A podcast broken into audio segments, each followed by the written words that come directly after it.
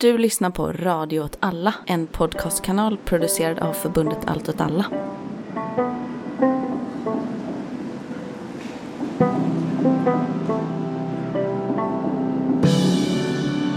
Hej och välkomna till Mina drömmars stad, avsnitt 11. Eh, det är sommar. Och Stämmer. Det här är ett sommaravsnitt. Ish.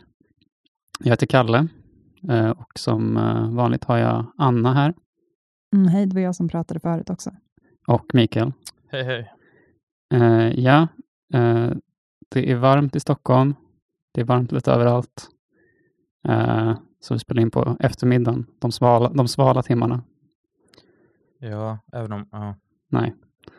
Jag tror inte det stämmer logiskt, men vi, just. det stämmer idag. Ja.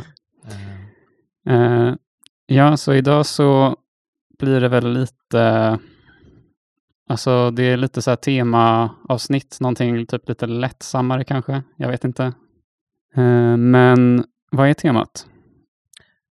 eh, jag hade titeln Hall of Fame kommunpolitiska förslag Stockholm. Det är lite omständigt, men typ det. Okej, Lustiga eller intressanta eller spexiga kommunpolitiska förslag. Och egentligen var det väl specifikt eh, högern, alltså det är ju bara högern som är spexig oftast, eller jag kommer lite till det sen. mm. Mm. Eh, men just högerns så här knasiga idéer för stan. Mm, jag har lite blocköverskridande kanske, men mest höger, absolut. Eh, hade vi något, någon nyhet att börja med? Ja, en en stor nyhet för Stockholm är att 450 personer varslas. Eh, de ska sägas upp eller på annat sätt forslas bort. Eh, ja, men, Makabert. eh, men eh, ja, precis. Nej, men det kan ju vara att folk avgår i pension eller slutar i allmänhet och så. Ehm, det är då så kallad administrativ personal som vanligt. Och då ska man göra så att det inte faller jättemycket administration på annan personal. Det Vart är det de varslas ifrån? Karolinska, Karolinska? ja, Karolinska sjukhuset då, Ja. eh, som finns framförallt i Solna och i Huddinge. Jag tror det är regionens största arbetsplats, enskild arbetsplats. Det är Det kan nog stämma. några 10 000, 13 000 som jobbar där, tror jag. Ehm, ja, eh, Karolinska går 400 miljoner i underskott som följd av eh, framförallt inflation, i alla fall enligt det personalbrev jag fick om det här.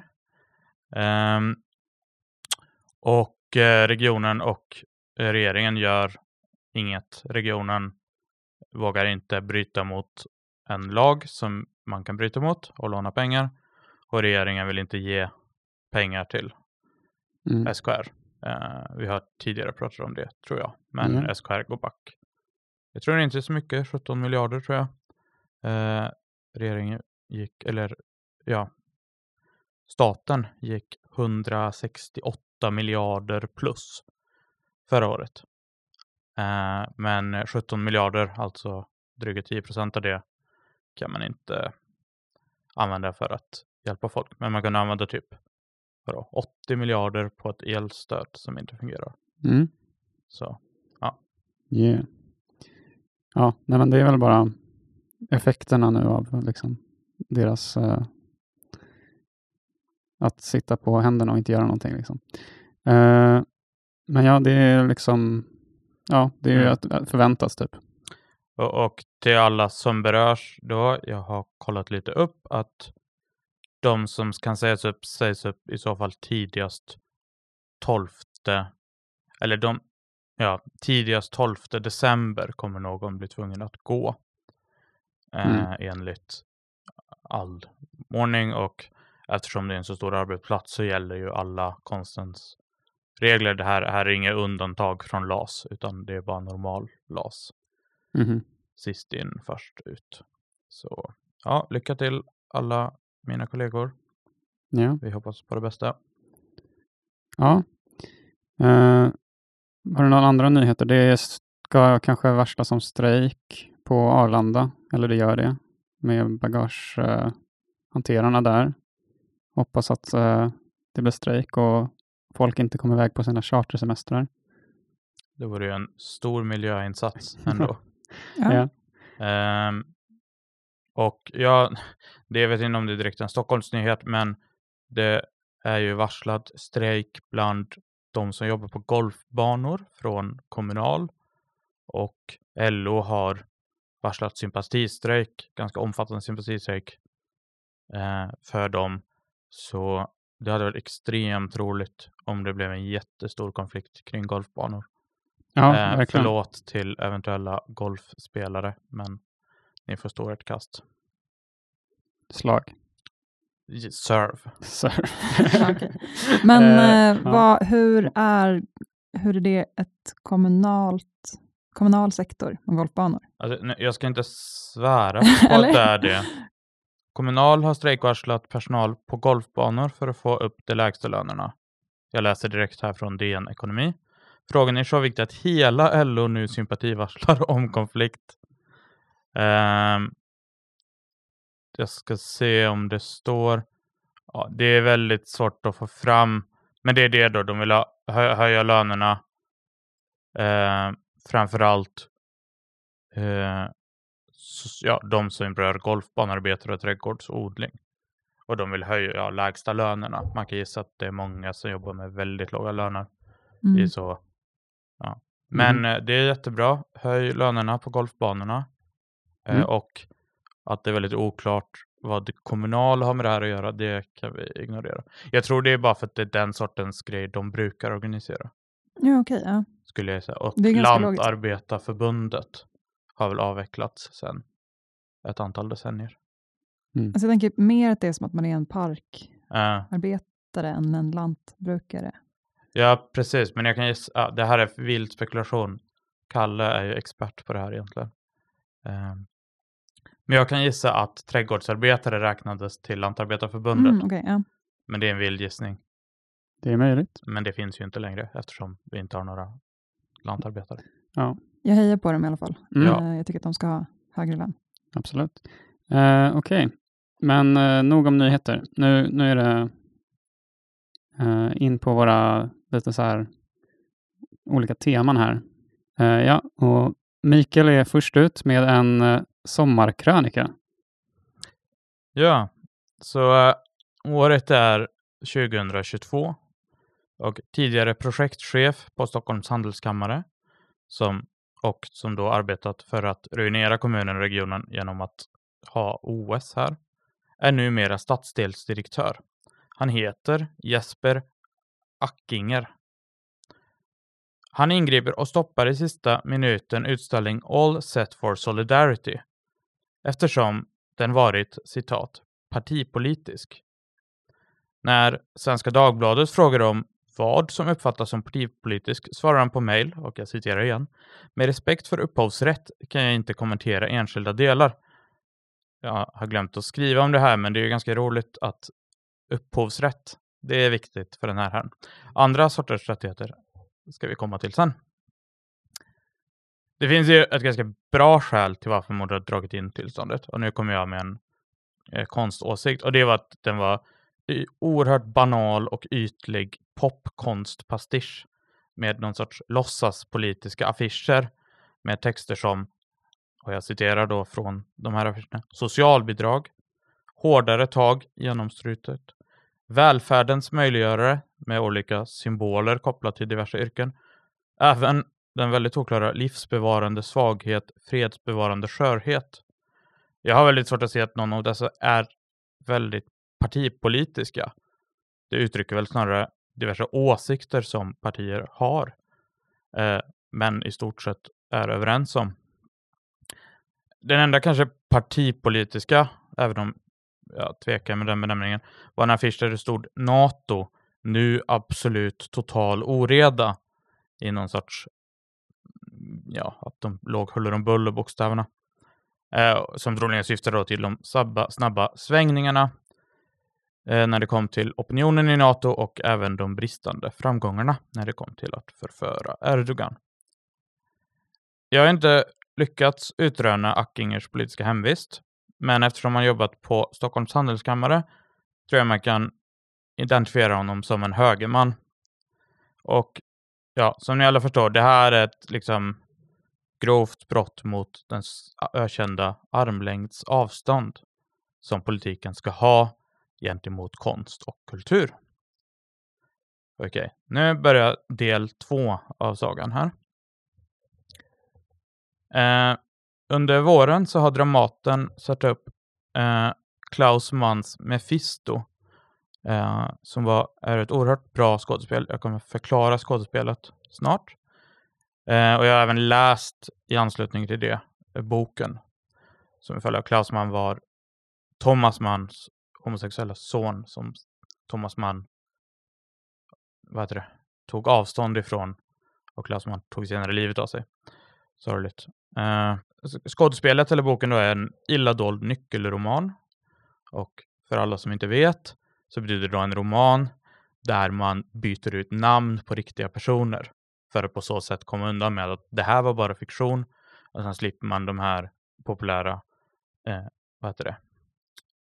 Eh, vad heter det? Nej, När någon skriver en egen bok typ, från sitt eget perspektiv, så var det egentligen? Ja, eller förtalsanklagelser. Okay, ja. Att om eh, vår kamrat Mattias Våg hade kallat den här nazistmördaren för typ något annat.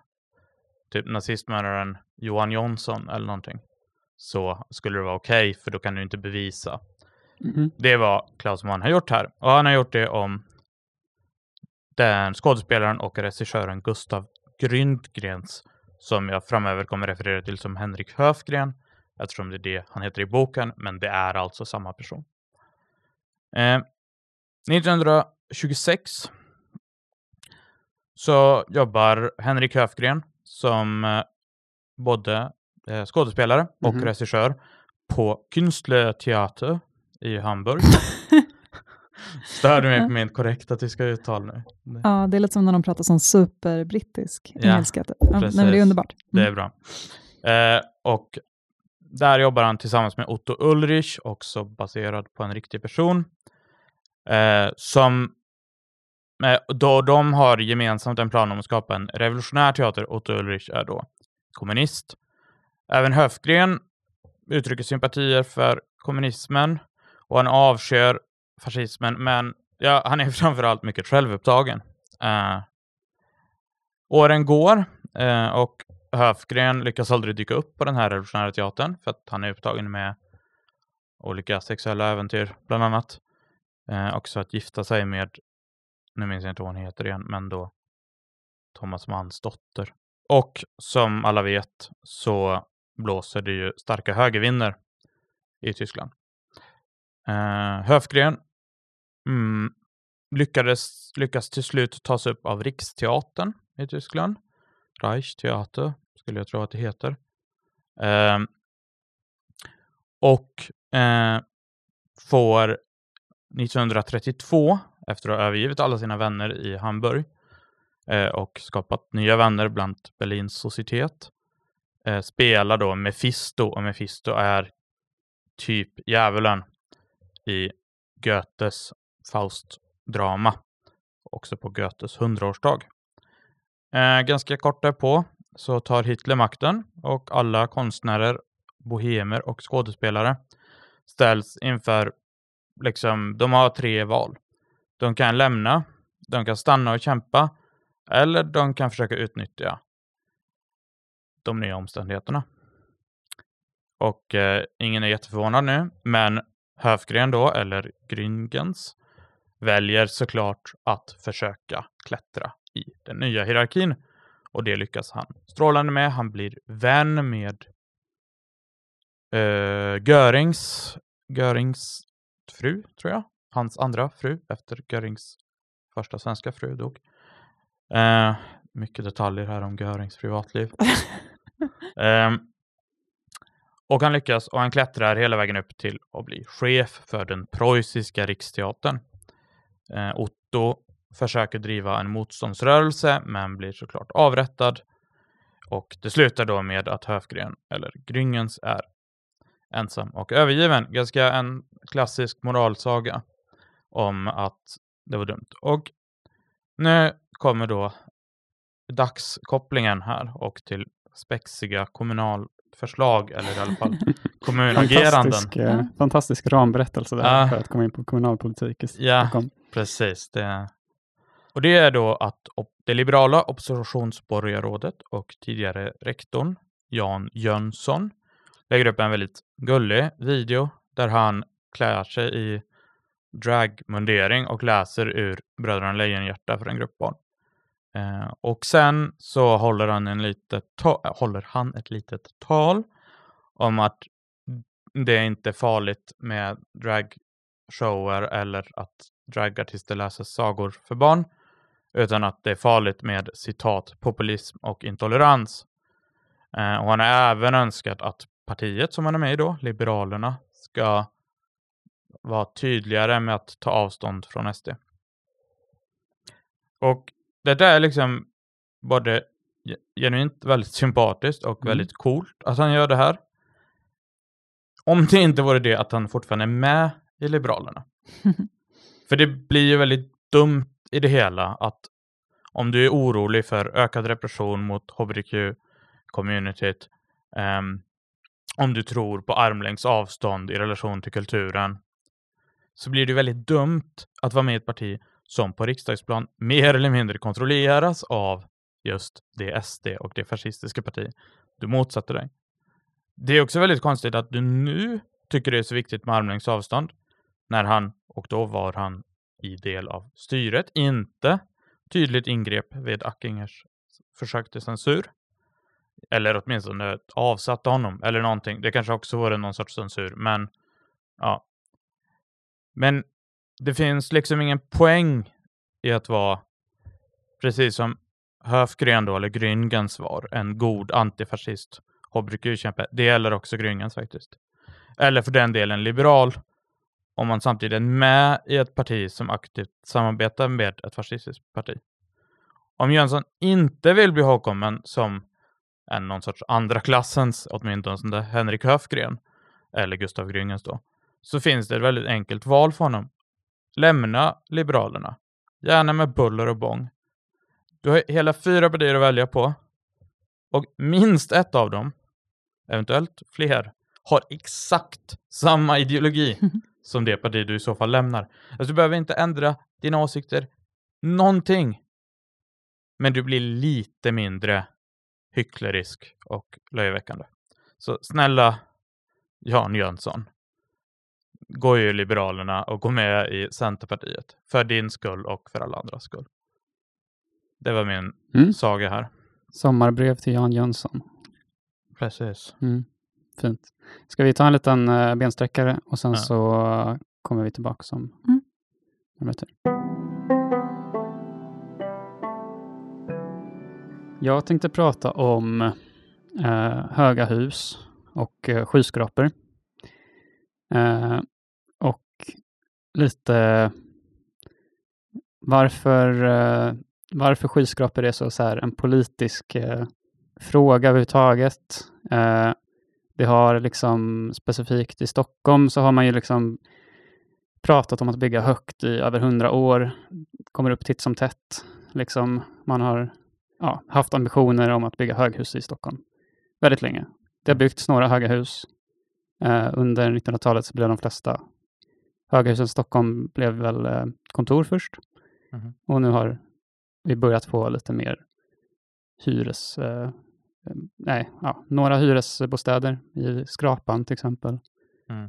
Jag vet inte, jag, jag har ingen, jag tänker liksom inte dra så mycket historia eller så här, vad är en skyskrapa och hålla på att definiera saker så. Okej. Eh, men, utan jag tänkte istället ta eh, ja, men, eh, tre exempel på politiska förslag som, har, som är liksom politiska förslag om att vi borde bygga skyskrapor på ett eller annat sätt i Stockholm. Då. Eh, och det här kom jag liksom in på eh, för att för några eh, veckor sedan så tweetade den här Timbro-profilen Fredrik eh, Kopf, jag kan inte uttala ordet, namnet, Kopsch, Kopf, Det betyder huvud ja, K-O-P-S-C-H, jag menar Kopf, Är det. Ja, har ja. ingen, det är väl ett namn bara. hur som. Han tweetade i alla fall, eh, citat, förra veckan tog jag en promenad på Söder. Det slog mig att alla högsta byggnader är kyrkor och det finns många. Varför rivs det inte och ersätts med högre hus och bostäder?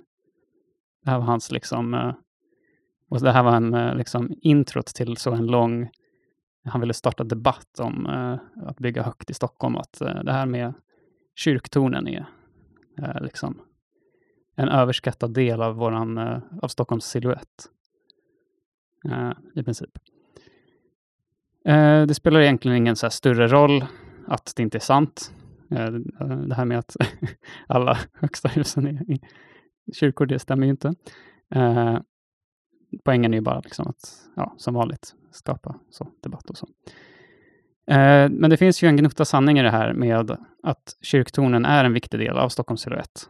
Eh, alltså, in, jag, jag, säger inte att jag tycker det, men det är något som liksom är något man tar i beaktning när man beslutar om eh, by att bygga i Stockholm, att man ska tänka på hur, hur det ser ut från vatten eller från olika håll.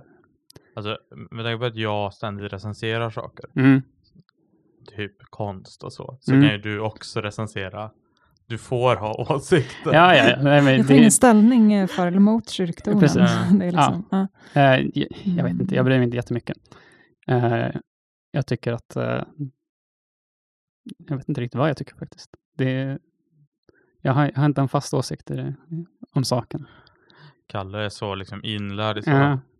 public service Public att han inte service. tänkt ens på vad är min åsikt Vad är min åsikt egentligen? den här viktiga frågan. Ja, precis. Ehm, ja, men jag, jag citerar bara en, en liten kort grej här ur en uh, masteruppsats jag läste om eh, eh, så här, eh, motivationer om byggande till höga hus i Stockholm eh, av eh, Sebastian Rigi. Eh, den heter En studie om motivering kring planerade höghus i Stockholm och Göteborg. Eh, och Stockholm är byggt i skärgårdslandskap med varierande topografi och mycket öppna ytor tack vare vattenrummet. Detta innebär långa siktlinjer, staden och dess silhuett kan tydligt betraktas från många platser. Höga hus blir ett extra tydligt inslag i stadsbilden på grund av detta. Stockholms innerstad, Stenstaden, är också skyddad enligt eh, PBL då, eh, som är... Vad är PBL? Plan och Bygglagen, ja. byggnadslagen. Ja, Såklart. dum är eh, Det är ett riksintresse tack vare sitt höga kulturmiljövärde. Stenstaden då. Bevarandet av instadens silhuett med kyrktorn som finns är något som vä- värderas högt. Ja, det finns eh, liksom eh, en viss eh, ja, men konservatism liksom i, ändå, i Stockholms liksom, politik generellt som breddar i alltså alla blockgränser om att så här, det finns något i siluetten eh, som är liksom så här värt att bevara ur någon så här kulturminnesmiljö. Tjosan hejsan. Mm. Eh, det var bara det jag ville konstatera. Är det någon typ konservatism? Nej, det kanske inte är rätt ord att kalla det. Men ett bevarande. Ja. En bevarande inställning Ja. till Du som ändå är historiker borde... Nej, jag skojar. Klassisk konservatism. Man ska vara försiktig med förändringar Ja, i samhällskroppen Ja. och så vidare. Estetisk konservatism. Ja, Ja, precis. Mm. Eh, eh, citerar Burke här. Mm. Mm. Eh, men då för det här in mig på det här då. Tre stycken exempel på när politiker eller andra vill bygga höghus i Stockholm. Och det första nedslaget här är 2017. Då ville Moderaterna eh, liksom bräcka Göteborg, för de var, Moderaterna i Stockholm var liksom ganska sura över att eh, Göteborg skulle få Nordens högsta hus. Eh, som då är, vad är det höga huset i Göteborg? Är det inte det som ser ut som Orthanc från Sagan om ringen? För alla er De håller ju på att bygga ett nytt högt torn nu. Ja, jag tror det Eh, är det har ju det. vår Det det. syskonpodd pratat om ganska mycket. Mm. Det höga huset i Göteborg heter ju då Karlatornet. Det. Mm. Moderaterna var ju inte bara så här, liksom skulle sitta och vänta, utan de anlitade då ett eh, arkitektbolag för att ta fram ett förslag på eh, ett höghus som liksom skulle bräcka det här som skulle vara i Stockholm. Eh, och det höghuset heter Tre Kronor. Eh. Ja, och eh, arkitektbolaget som tog fram det heter Utopia Arkitekter. Eh, och det placerades i ett kvarter som heter Loudden, som ligger eh, precis intill Frihamnen. Mm. Där ligger eh, idag typ en, eller det har legat en oljehamn där, som är, ja, de, de tankar stora båtar. Kolhamn Ja, också. just det. Som är aktiv för kolkraftverket som är där. Mm, fast de har slutat med det nu, Just tror det. jag, med kolen. Ganska Ja, just det. Ja. Ja. Eh, men så de, Utopia Arkitekter ritade då en helt ny stadsdel eh, med eh, liksom eh, skyskrapor och då det här kronjuvelen, Tre Kronor i mitten som är liksom den har till och med en liten krona högst upp på, i toppen.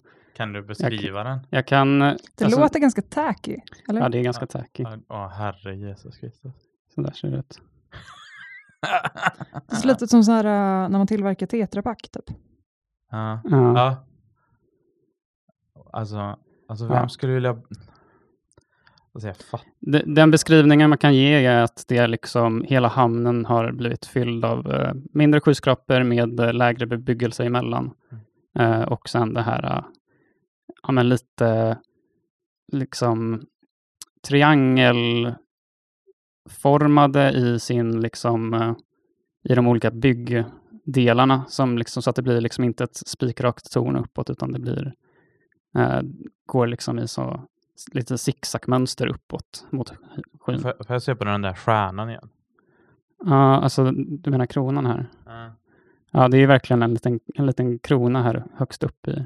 Alltså även om det är utanför stan, de skulle ju synas ganska mycket då. Ja, Ja, de där om det är siluetten skulle, man alltså, färg. De skulle synas. det här är ju då, eh, Alltså det ligger... bara det huset skulle ju då bli eh, 300 meter högt med 500 bostäder och 85 våningar. Så det skulle bli 60 meter högre än Karlatornet. Ja. ja, det är bra att vi tar i ändå. Ja, Det tycker jag. precis. Hur mycket av våra pengar kostade att, inte, inte själva projektet, men bara att få den här planen? Ja, det vet jag Det faktiskt är inte. Moderaternas pengar. Det är eller? nog Moderaternas pengar. Tror du det? Ja, det Ja, tror jag. jag hoppas det, för annars blir jag så ur. Alltså, det, det kommer ju från någon form av parti. Alltså, Ja, får väl... men då, ja, men det, nu har vi partistöd. Ja, så då har ja. Jag- menar mer om det var så, om stadens kassa Nej, gick nej. till det. Utan det här är något de har liksom de tagit fram för att eh, kunna sedan också pitcha det politiska förslaget. För att, så att de har liksom någon form av Yes. vision. Ja, ja, men Eh. Och syftet sen också med det här var att skapa en, mer- ett mer livskraftigt område och att genom en ökad exploatering skapa intäkter för att finansiera en nedgrävning av Centralbron. Centralbron, Men vänta nu, va? Man bygger massa höga, lyxiga skyskrapor. Och Man ska ju för tjäna för, att, skitmycket pengar på det. för att få råd med att... eh, Gräva ner, som, ah, jag vet inte, det är lite, ah, ja. det, det är väldigt Spekulativt. mycket sådär, nu ska vi göra den här jättedyra grejen så att Mm. det kommer löna sig. Ja. Hint, hint.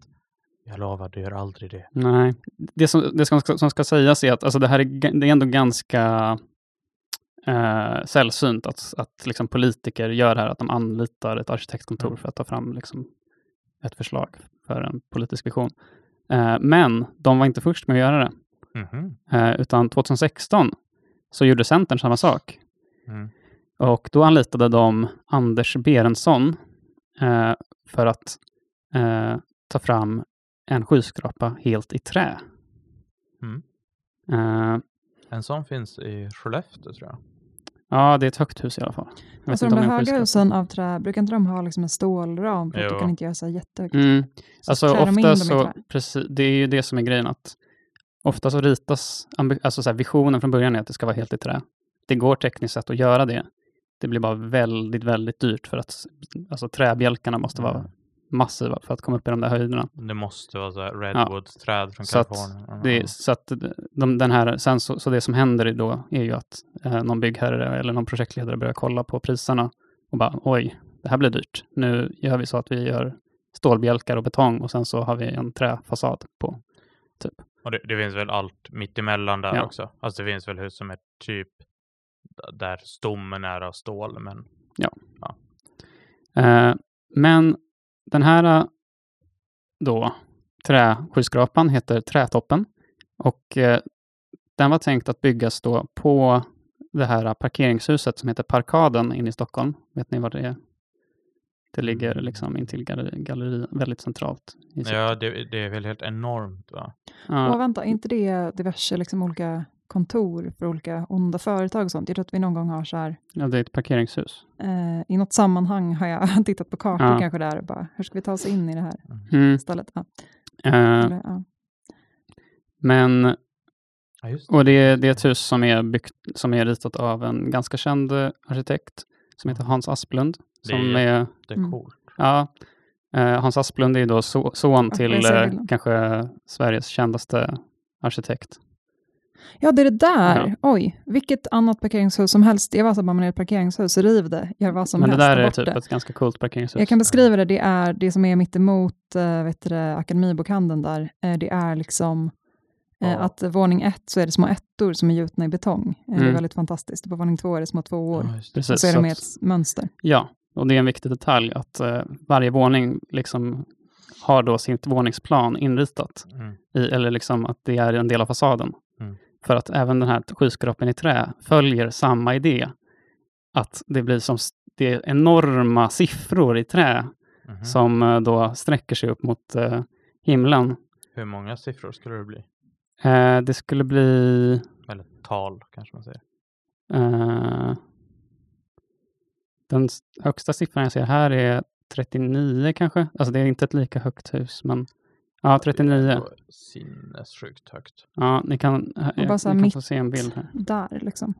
Så Ja, där. så- ja, men okej. Eh, Men nu är mm. jag för, alltså det här var, alltså för det är ju byggt på det där andra. Ja, det är byggt ovanpå det. Ah, Okej, för jag tänkte att du skulle riva det och då är jag så, alltså jag är för att Så här riva. skulle det se ut inifrån. Man, Oj. man ser liksom ut genom Ah. fönstren så ser man stora bokstäver eh, i trä då. Det är så Som, väldigt mycket furu ja, på den här Mm. bilden. Väldigt mycket eh, furu. hur det ska se ut i lägenheten. mm, mm. Ja, men alltså Ja. jag vet inte. Alltså just, jag tycker de löste det bra där faktiskt. Alltså i- inte kanske att vi ska ha det här tornet, men De bygger på hårdgjord mark redan och allt sånt där. ja, ja. Nej, men, ja, jag är lite så här, håller det här betongen i det här jag, jag parkeringshuset? gissar att du får liksom, alltså jag gissar att mitten av parkeringshuset försvinner. Men det är, alltså det är ju inte så att jag bryr mig om parkeringshuset. Jag Men bryr det var mig inte om där, jag, tro, jag trodde att det var närmare vad heter det, Så- gallerian Ja. som det Mm, låg. Men det där är mer vid den andra gallerian, det PK-huset. Ja. ja. Men så, ja, ganska coolt förslag ändå. Eh, sen så i, i samband med det här att Centern då Mm. liksom anlitade eh, den, här eh, arkitekten eh, så la de också en motion i kommun, liksom i staden om att man skulle liksom, eh, utreda det här och bygga det här huset. Mm. Eh, så den gick liksom, eh, eh, och liksom, de, eller de la två motioner, de, dels den och sen så la de ett motion om att man skulle skapa ett skyskrapeprogram för Stockholms stad. Eh, ingen av de här motionerna gick igenom. Eh, men jag kan bara läsa kort. Det här skyskrapeprogrammet då. Stockholm behöver ett skyskrapeprogram. En plan som pekar ut var i centrala Stockholm höga hus över 17 våningar bör byggas. Vissa politiska partier vill lösa Stockholms bostadsbrist genom att bygga i andra kommuner eller i uppskattade grönområden. Det är inte, ett seriösa, det är inte seriösa politiska förslag. De hade skrivit fel här. Istället bör staden växa inifrån och ut genom förtätning i befintliga bostadsområden. Genom att bygga hög, högt och tätt kan parker och grönområden sparas och fler kan komma nära kapacitetsstark kollektivtrafik. Det är bra för miljö och klimat och skapar en mer sammanhållen stad. Ja. De tycker om skyskrapor. Centern har tyckt om skyskrapor väldigt länge. Eh, Det- känns ju också så här, eh, alltså när man tänker liksom Centerpartiet historiskt, bondeförbundet, mm, eh, liksom grönt, landsbygd, Mm. åkrar, eventuellt träindustri. men Stockholmscentern är ju lite annorlunda. Ja, det, är, det är verkligen intressant hur Ja. det har blivit en centerfråga att vi ska förtäta och bygga höghus. Mm. Vart var jag? Hur som helst, de här uh, motionerna då liksom föll främst kanske på grund av att så här, uh, alla yttranden och sådana remissvar var så här, det här är inte så man planerar byggande i Stockholm, utan det är liksom översiktsplanen som bestämmer hur vi bygger i staden. Det är Mm. det som är liksom det styrande dokumentet. Ja. Man, kan inte, man eh, motionerar inte om en specifik typ, byggnadstyp. Liksom. Som också dessutom måste vara över Ja. 17 våningar. Det är jättekonstigt. Eller Ja. varför? Liksom. Nej, precis. För typ det där Det, huset vid Kungsan, de hade kunnat bygga det bara fast som ett vanligt åttavåningshus och bygga på mm, med de här spexiga siffrorna. det hade de. Ja, så det är liksom de två eh, politiskt eh, förslagen från politiska partier då, så där de har liksom anlitat ett arkitektkontor för att ta fram en vision. Mhm. Det tredje exemplet är då inte ett högerexempel skulle jag säga. Eh, och det kommer inte heller från ett parti, det kommer från en arkitekt. Eh, år 2003 så hade arkitekten Anders Wilhelmsson, eh, han blickade mot framtiden eh, med oro. Stockholms befolkning väx, eh, väntades växa om, med omkring 150 000 människor till 2030. Och den stora frågan var, vart ska alla bo? Så Wilhelmsson då, han tog fram ett förslag som kallas Stockholm 2030, där han tänkte att man skulle bygga 500 bostadstorn utspridda inom citationstecken demokratiskt över hela staden. Eh, typ placerade längs, alltså längs ett rutnät, liksom bara, som är la- lagda ovanpå staden. Eh, skyskraporna eh, Alltså typ slumpmässiga ställen då, så väldigt inte slumpmässigt, symmetriskt. men Bara- väldigt symmetriskt. Bara den råkade Ja. hamna på... Mm. Det här är som, vad heter det? Le Corbusier-stil. Det är väldigt ändå Le Corbusier-stil. Eh, ja. Skyskraporna skulle vara 50 våningar höga och är liksom cylinderformade med stora glasfasader. Kan man skicka coola så här, signaler mellan tornen också? Alltså med så här, Mm. tända typ en lampa och varna dem i andra tornet. Så här, nu, Alltså ett är, de, de, här är en, en projektbild. Ja. Eh, de är liksom verkligen bara utploppade över hela innerstan. mm. Eh, Alltså det är ju ändå, hade det här varit City Skylines, mm, då hade man kunnat göra så. då är det en grej som jag skulle göra. Ja, Och sen har man typ en sån här, vad heter det, luftballongstransport mellan Är det de ett här. dataspel du pratar om? Ja. Ja, där man Bygger Det är städer. Sim, SimCity fast bättre. Men så ett citat här då. Liksom, utgångspunkten är kommunens prognos om att staden ska växa med 150 000 invånare till år 2030. Finns det en genuin önskan om detta och om staden inte helt ska gentrifieras, det vill säga bli en stad för enbart höginkomsttagare, så måste det här projektet förverkligas, säger Anders Wilhelmsson. Eh, han säger att förslaget är lagt med stort allvar, allvar och att även folk från stadsbevarande håll tycker att det, skulle, att det skulle kunna vara ett bra alternativ till en, en mer massiv förtätning. Men, och här är ett till citat, men, men tjänstemännen säger att så här bygger man inte i Stockholm. Och andra invändningar är att byggherrar inte skulle vara intresserade. Men om det fanns politiskt gehör så skulle det vara det. Våra höghus har ett slags stor, stordriftsfördelar som ger ett pris som är så pass tilltalande att byggherrar skulle ha goda incitament att ta sig an dem. Eh, ja. Alltså, som någon sorts skruvad ny variant av miljonprogram. Ja. Så alltså jag måste säga, även om det här är på ett sätt är det mest sinnessjuka förslaget. Lite svårt kanske med kollektivtrafiken. Alltså hur många Ja. lägenheter var det, det kanske du sa, alltså i en sån där pinne eller pelare? Eh, Är det det en per är, våning eller? För då fick jag det till 25 000 bo- bostäder. Det är ganska bra eh, Men det lär ju vara mer än en 50 per våning. våningar höga. med Eh, jag vet inte hur många bost alltså hur, exakt hur många bostäder, men varje, vad säger man, Nej, varje okej. våningsplan är typ Ja, 200 ja, alltså, kvadratmeter. mm. Så jag tänker bara att alla kanske inte får plats då att ta sig. Men skulle de ligga i förorten eller skulle de ligga alltså på De De är, typ? de är planerade inom Stockholms kommun. Alltså Ja, så ja. att det är liksom en, en, in, ett innerstadsprojekt. Eh, projekt. Fast det Eh, här är ju okej. också Stockholms kommun. Och jag Ja, ja. bor i Stockholms Ja. kommun. Precis, så att, eh, men det är ändå 500 och så skulle de då byggas liksom successivt så att det, man bygger ett eh, liksom, och så gör man den här Mm, löpande ja. och att det är just Alltså det är smart på sätt och vis också för att det inte, de är ju liksom, de tar inte upp, eh, de skulle inte liksom göra, kräva att man typ eh, river speciellt mycket för Mm. att de liksom placeras ut på så bara Nej. liksom specifika punkter. Men jag tror verkligen Annas fråga där nu tar vi den här lite mer på allvar Mm. än de andra verkar som. Ja.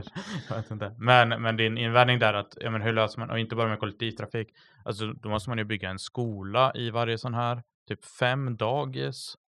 Alltså, Nej, men alltså, det kan ju vara inuti den, det blir Ja, bara som ja, en sån ja, ja. falanstär. Typ. Mm, ja, det blir, en vi är tillbaka till falangstärer. Precis. Jag bara, alla vet vad det är, jag bara nämner falanstär. Gå tillbaks några avsnitt. Ja. Eh, och sen kunde man bygga tunnelbanestationer inuti varje sån, Mm. under dem. Mm, Det hade varit coolt. ja.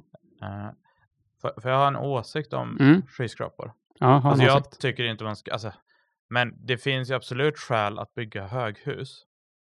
Och jag håller med om att det är väldigt dumt om all nybyggnation ska ske genom förtätning. Ofta av miljonprogramsområden eller ABC-städer och så vidare.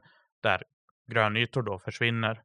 Typ, jag vet, inte, i, I Årsta så är det typ det har varit jättemassa fina grönytor. Nu är alla borta för att man har byggt upp bostadshus liksom på varenda grönyta Mm. mellan husen. Så mitt liksom ödmjuka förslag det är ju att man tar de områdena som har väldigt låg täthet. Typ massa villaområden.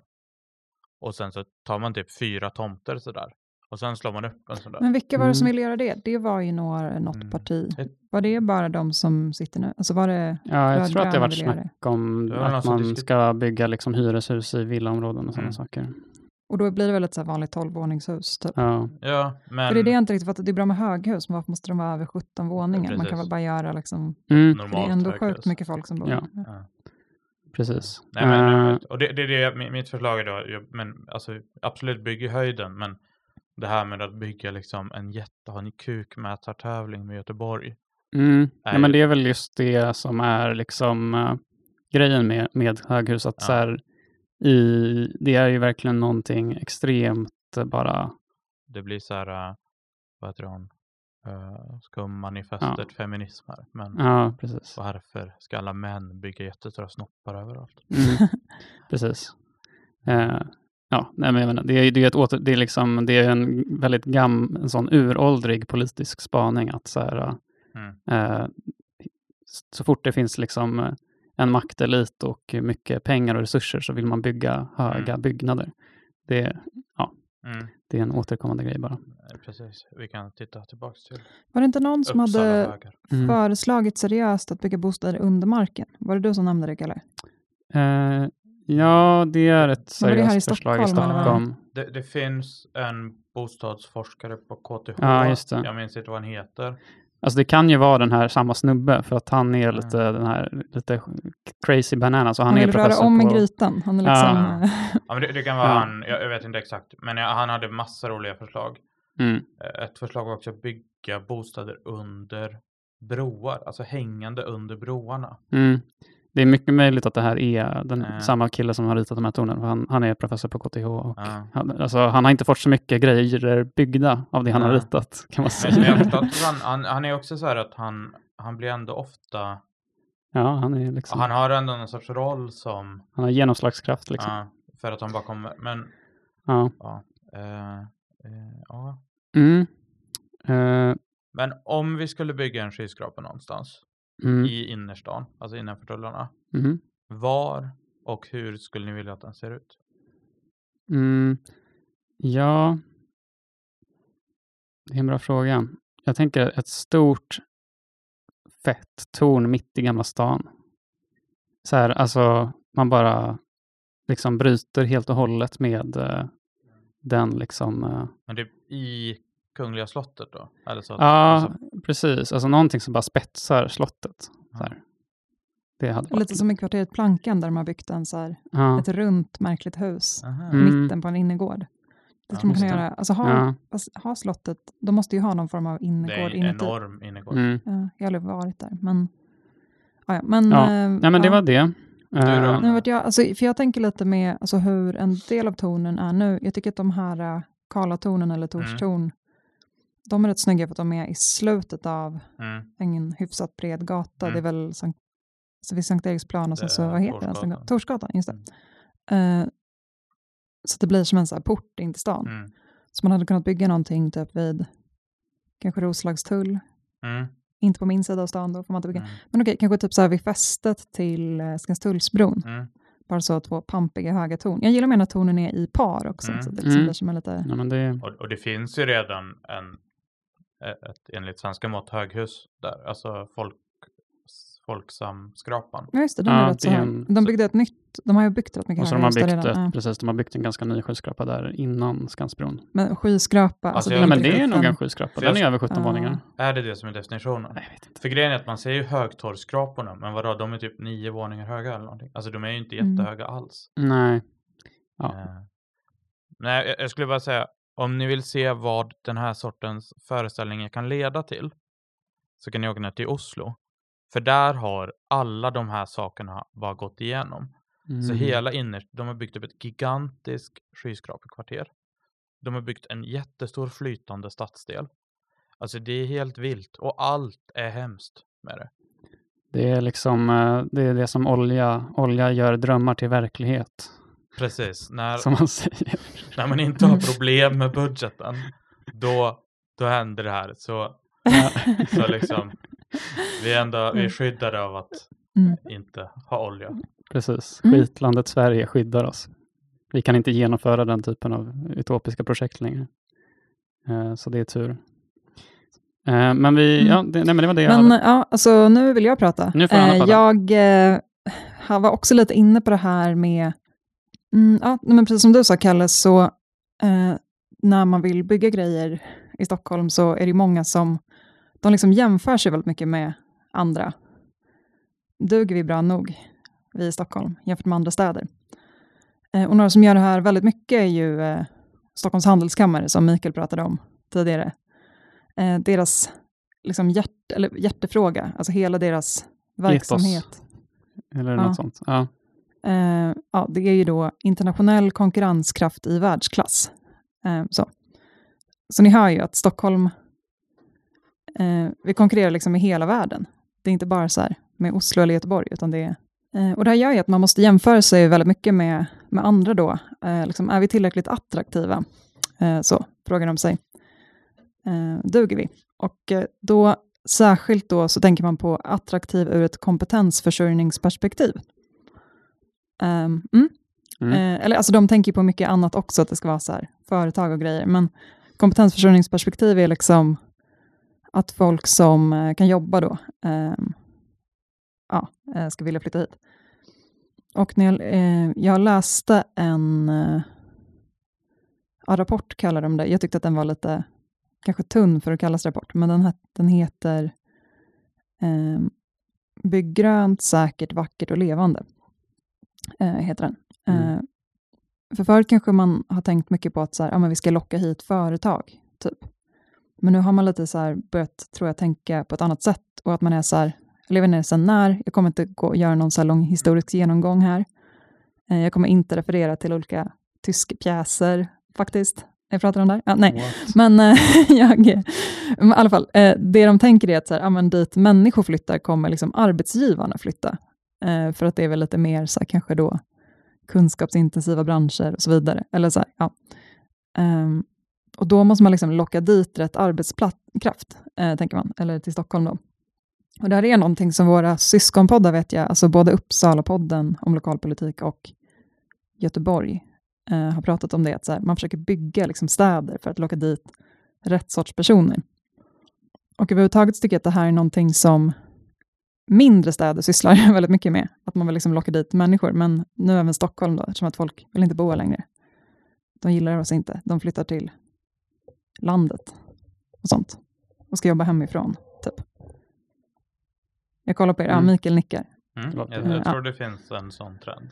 Ja, eh, så då i alla fall har de gjort eh, den här rapporten då, ehm, liksom hur man eh, ska utveckla attraktivitet i stadsmiljön.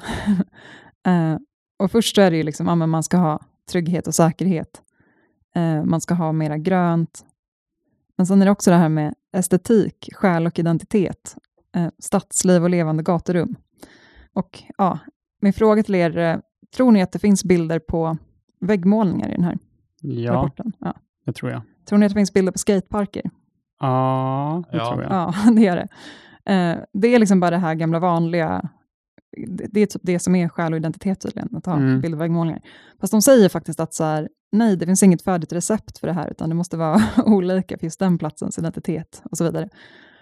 Eh, jag vet inte, alltså, så det, är liksom, det finns inga så roliga förslag i den här rapporten riktigt, utan det är bara det här gamla vanliga, så att de ska ha lite sån Mm. så kallad gatukonst som är beställd av då företag och kommuner. Ja. Eh, lite som i Nacka gör ju det varje år.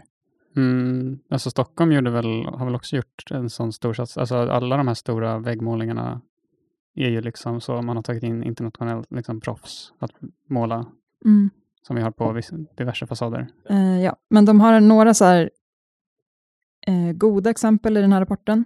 Eh, de säger typ, alltså det är så här platser som de gillar, som de tycker har en identitet och sådär, eh, och som är attraktiva då för arbetskraften.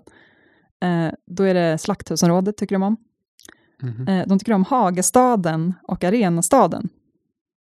Ja. Hur känner ni för det? Alltså, jag har ju aldrig det- varit i Arenastaden i och för sig, det är väl i Ja, Solna, men nej, Hagastaden är... Alltså, finns den ens? Jo, men det är där eh, de ligger, Karlatornen. Jaha, det är det som är Mm. Hagastaden? Ja, jag, går, jag är ju där varje dag. Ja, det har ingen idé. Alltså, ja, och Då kan jag berätta för dig, Mikael, att enligt experter på Stockholms handelskammare så tillför det viktiga storstadskvaliteter som tidigare saknats i Stockholm. mm, är typ inga ljus på gatan. Alltså, Mm. noll ja, ja, grönt. det visste jag inte. Alltså, noll finns, grönt. Nej men alltså det är ju så här jättetäta, jättehöga kvarter. har inget solljus, jag trodde det var Ja. att de liksom inte hade Nej, nej, det är, det är inget ljus och det är inget grönt och det är massa bilar. Det är storstadskvaliteter som Ja. tidigare saknats. Absolut. Men eh, de gillar också Brunkebergs torg och det är så här, eh, det är ju det här torget som ligger liksom bakom Plattan Mm. om man går ner till, eh, vad heter det torget? Gustav Adolfs torg. Ja. Eh, och det är ett av stadens äldsta torg och sådär, brukar man påpeka. Ja, att det är alltså väldigt det- gammalt. Bakom Kulturhuset. Ja, precis, vid... Eh, Det är verkligen en icke-plats. Alltså det ligger typ ett hotell där. Jag Som vad, är- Det är så dött att ja. en nej, men det, nej, nej, det, grejen är nu att de senaste åren har de gjort en massa Ah. dyra hotell. Jag vet inte, alltså det var väldigt dött förut och så, Mm. eh, men de hade så här, kanske det en fontän. en- Men nu är det, en utservering tror jag. Ja, fast nu har de liksom ett jättestort lyxhotell, ett annat stort ja. lyxhotell. Men det är väldigt mycket så här, Ja. de har en cool neonskylt och sen massa Ja. sådana typ, kanske ställt ut en, Mm, alltså mycket ja. så här låtsasväxter på gatan. Alltså det är Mm. väldigt så här, jag vet inte, jag bara avskyr det. Ja, nej, men de, de gillar de här platserna i alla fall och tycker att de är jättemysiga. Eh, så. Eh, de gillar inte Kista. Um, alltså för det här är ju så här, okej men i sådana här För Kista är väl raka kontorsområden. motsatsen, att det är så här massa företag och sånt som drar sig till Mm. eh, supermycket arbetskraft och så måste man bygga bostäder. Eller så, att Ja. det inte är bostäderna som ska dra dit företag. Eller, Men det, men det är ju ingen, Mm. alltså, jag vet inte. alltså, Alltså, det är, jag är ledsen, jag kanske berättade i fel ordning här, det blev lite knasigt. Alltså, nej, men det är så att eh, de tänker att dit människor flyttar, flyttar arbetsgivarna. Mm. Eh, men också så säger de att, just nu citerar jag här den här rapporten, Mm. eh, allt fler kontorsbaserade arbetsgivare vittnar om att det är viktigt att förstå att det inte räcker med att bara erbjuda individen rätt anställningsvillkor, en god och hälsosam arbetsmiljö, en sund företagskultur och spännande ansvarsområden. Mhm. Närmiljön runt arbetsplatsen är också viktig för att, företags, för, för, för att företag ska locka till sig rätt kompetenser. Så det är som att om man känner så här, gud vilket tråkigt kontorsområde att jobba Mm. med. Vem fan vill jobba i Stadshagen liksom, eller Kista? Mhm. Att det liksom är för tråkigt att jobba där runt omkring. Så det måste vara liksom lite levande Lite själ cool. och identitet, eller vad de sa. Mm. Eh, ja, Ja. Jag, jag bara undrar hur arenastaden är ju liksom, alltså det är ju det dödaste. fast de har väl folkliv, har inte de en massa AIK-supportrar som kommer? Ja, men alltså de är ju in. inte där. Och det sam- ja, det är ju massa som går på det här idiotiska köpcentret. Men Mall of Scandinavia. Mm. Det känns bra att vi har en Norrorts local Ja, här. Mm. ja, ja, eller. Västerort är du från. Ja, Men alltså, den enda anledningen att åka dit är ju att de har några av de bästa biosalarna. Och om man gillar fotboll eller så. Men alltså platsen är ju Mm. förfärlig. Alltså, det, det är ju ingen som lever där. Nej. Det, Mm. Nej, men det är exakt eh, så de tänker då, de här. Att, så det också gör ju att man inte, om man är en högutbildad person så, som kan välja eh, vart man vill jobba och så, eh, då vill man liksom inte jobba där. Eh, fast de trodde ju att man ville jobba där. Okej, de gillade har det, jag vet inte vad, men de kanske gillar eh, Döda att det väller in, liksom, alltså Ja. många är det på en fotbollsmatch. Det bara väller in massa AIK-supportrar, så, 10 000. Ja. som tar Ja. kokain, eller vad de tar och gör. Tjack, det känns mer... Uh, Tjack och typ uh, Ja, viktig storstadskvalitet. ja, ja men absolut. nej, men, eh, eh, nej men i alla fall, det var det jag skulle komma till. Mm. Jag fattar om man inte förstod någonting. Annat, men, men det är liksom fattar. de tänker att det är så här kontorsområden som ändå typ, Mm. jag vet inte Ja, vad. Men, Coola. eh, Typ men då, men då har de två exempel här. så, Okej, Kista, vi måste försöka få det att bli Mm. mer roligt i Kista. De vill typ ta dit KTH så att det kommer vara lite studenter. Också att det är intressant att det är den typen av folkliv man vill ha, KTH-studenter. Ja. Som också är där redan. ja, men det kanske var, jag vet inte riktigt, jag läste lite slarvigt. Ja. Jag tyckte det var lite intressant att det är liksom att de tänker, förutom att det ska vara tryggt och sådär, eh, och eh, vad var det mer det skulle vara, grönt, eh, Mm. så vill man ju ha det här estetik, själ, identitet, stadsliv, levande Mm. gaturum. Alltså det känns ju som att det är lite så här något som man förut har haft för att så här, Mm. bostadsrättsinnehavare ska vilja, eller bostadsrättsköpare ska liksom vilja Mm. köpa och det ska vara dyrt och så. De bara eh, tycker att man borde ta hänsyn till det mer och liksom företag vill ta hänsyn till det Mm. mer, så de vill ha någon form av så kommunal, eller så här, kommunen och företagen ska samarbeta för att skapa den här själen och identiteten. Och så. Eh, det är lite konstigt, men alltså så här, men de säger som sagt, det ska vara roligt, inspirerande och estetiskt, utan att det blir för instrumentellt. Jag tänker att Eh, alla deras förslag är väldigt instrumentella. Att de är så här, äh, företag och kommunen ska göra det här, mm. Ja. skapa det här åt människor. Ja. För, för Istället för att min... liksom, det skapas en Mm. identitet liksom mer så av människorna som bor där. Typ, och Ja. att man får vara med och forma sin egen stad. Typ. Jag. För, för hela Ja. grejen med varför Silicon Valley blev coolt, det var ju att det var en helt död plats. Och sen flyttade massa coola människor dit och gjorde coola grejer. Tills de slutade göra coola grejer och det bara blev Mm. keff, en stor Ja. keff så här tech eh, Park. park. men liksom, men, det är väl det som, det, eller det kanske du ska komma till det. Men att, Eller ja, men, men alltså vadå, det är exakt det som är deras politik, eller vad man ska säga. Mm. Alltså de vill att, alltså, de tänker så här, ja men personerna kommer först, typ. Och Fast- sen kommer företagen vilja komma dit för att det finns en Mm. massa arbetskraft. Och förut kanske man har tänkt förut att du gör liksom ett företag. Ja, nej men eh, bland annat så pratar man om att eh, man vill göra sådana här ikoniska byggnader och sånt, som ska bli liksom som ett varumärke lite för just den platsen och så. Eh, för de tycker att vi har för få eh, sådana, som, alltså Mm. att alla som vi en- har byggdes för länge sedan. en och skyskrapa i trä kanske. Ja, men typ, de nämner inte det specifikt, Nej. men alla vet att det är det de tänker Mm. på. Nej, men inte riktigt. Men, Kä- Känns verkligen som att great Men- minds think alike. Mm, mm, men typ så här Kista Tower, heter den så?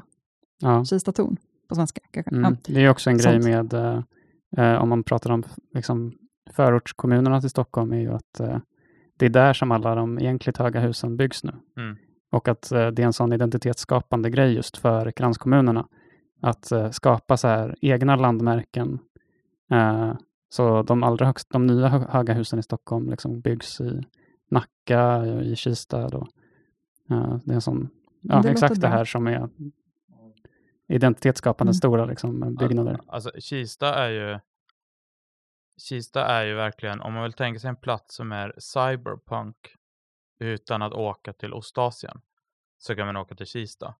Så man kommer in på tunnelbanan, flygande genom luften och sen är det massa skyskrapor, massa så här skyltar och sen så Du det ser ju, det funkar ju. Det funkar ju ja, på det dig. ja, du har mig- gått på det här. de har ju fel, alltså, men och sen så har du den här låga byggnaden, alltså, och sen bor alla fattiga under. Det är väldigt konstigt. Men så- de tycker nog bara att det är positivt. att, liksom att man det är den här, Titta ner um, på de fattiga. Mm. För det är väldigt konstigt Storstadskvaliteter. att det finns Det en är del av. Kista som är så med, medelinkomst 80 000 och vitare än vit.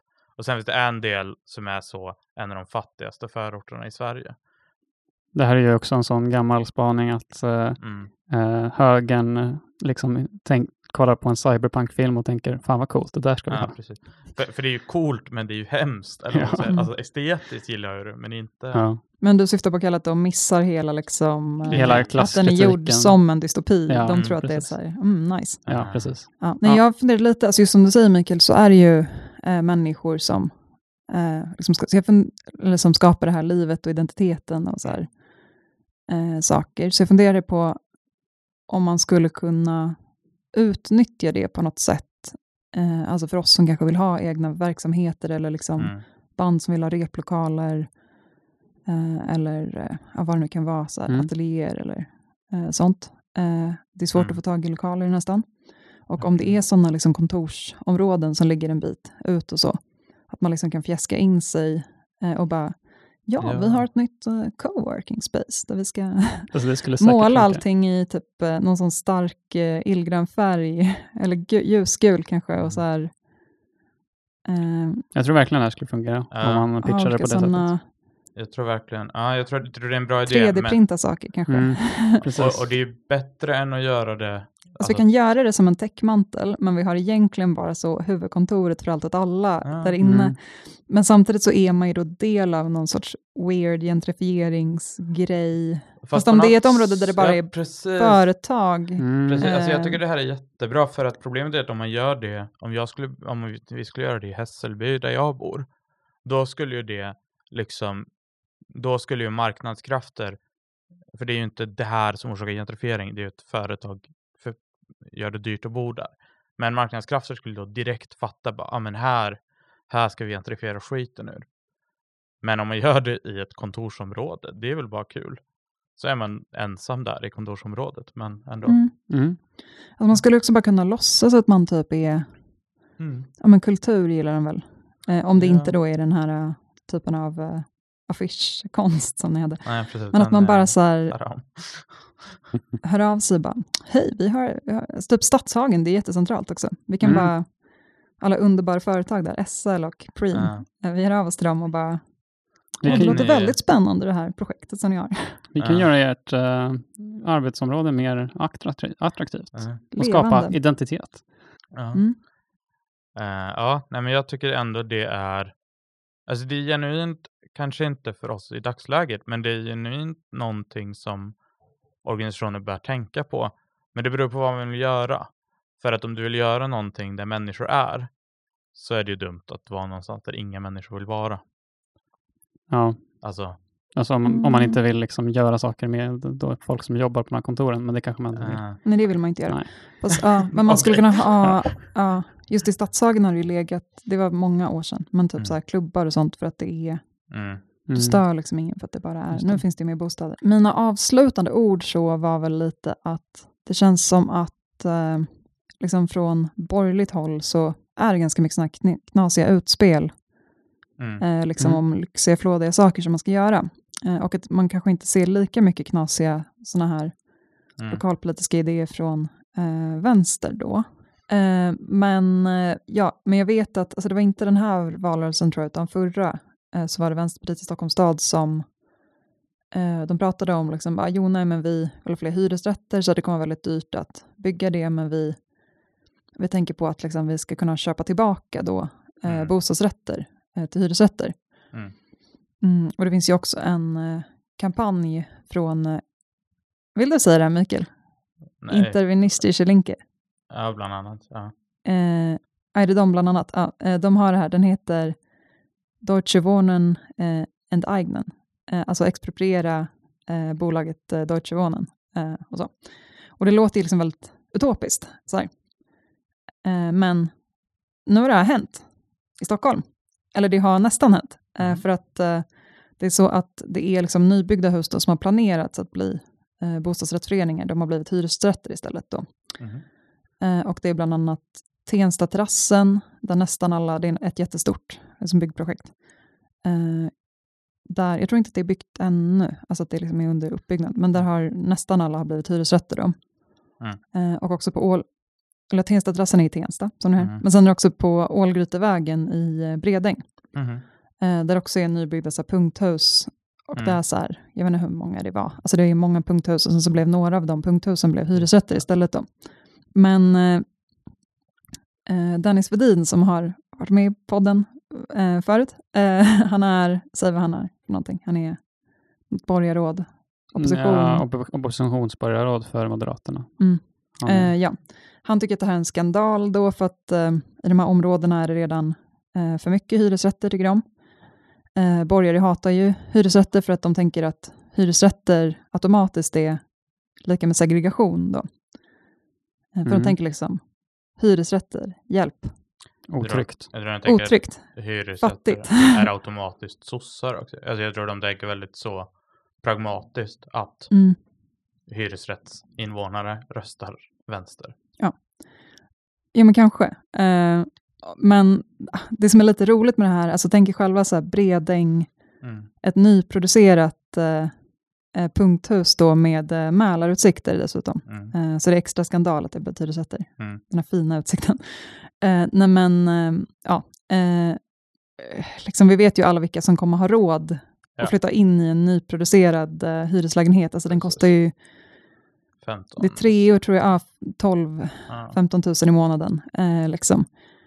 eh, det kommer ju vara folk som, ja men, alltså, Välbeställda människor helt enkelt. ja, men relativt välbeställda människor liksom med, eh, för att ens få, för att klara inkomstkravet liksom, Ja, så måste du ju ha, Tre gånger det i Ja. månadsinkomst Mm. eller något. Liksom. Det är men det har varför det varit, blev eh, eh, bostadsrätter mm. tror jag är för att byggbolagen har dragit sig ur, för de tycker att de inte kan sälja dem, tror Ja. jag. Det är det som hade Eh, varit nice med att bygga de här 500 tornen i Stockholm, är ju att det skulle krascha hela bostadsmarknaden och så skulle vi tvingas göra om allt till typ allmännytta. Mm.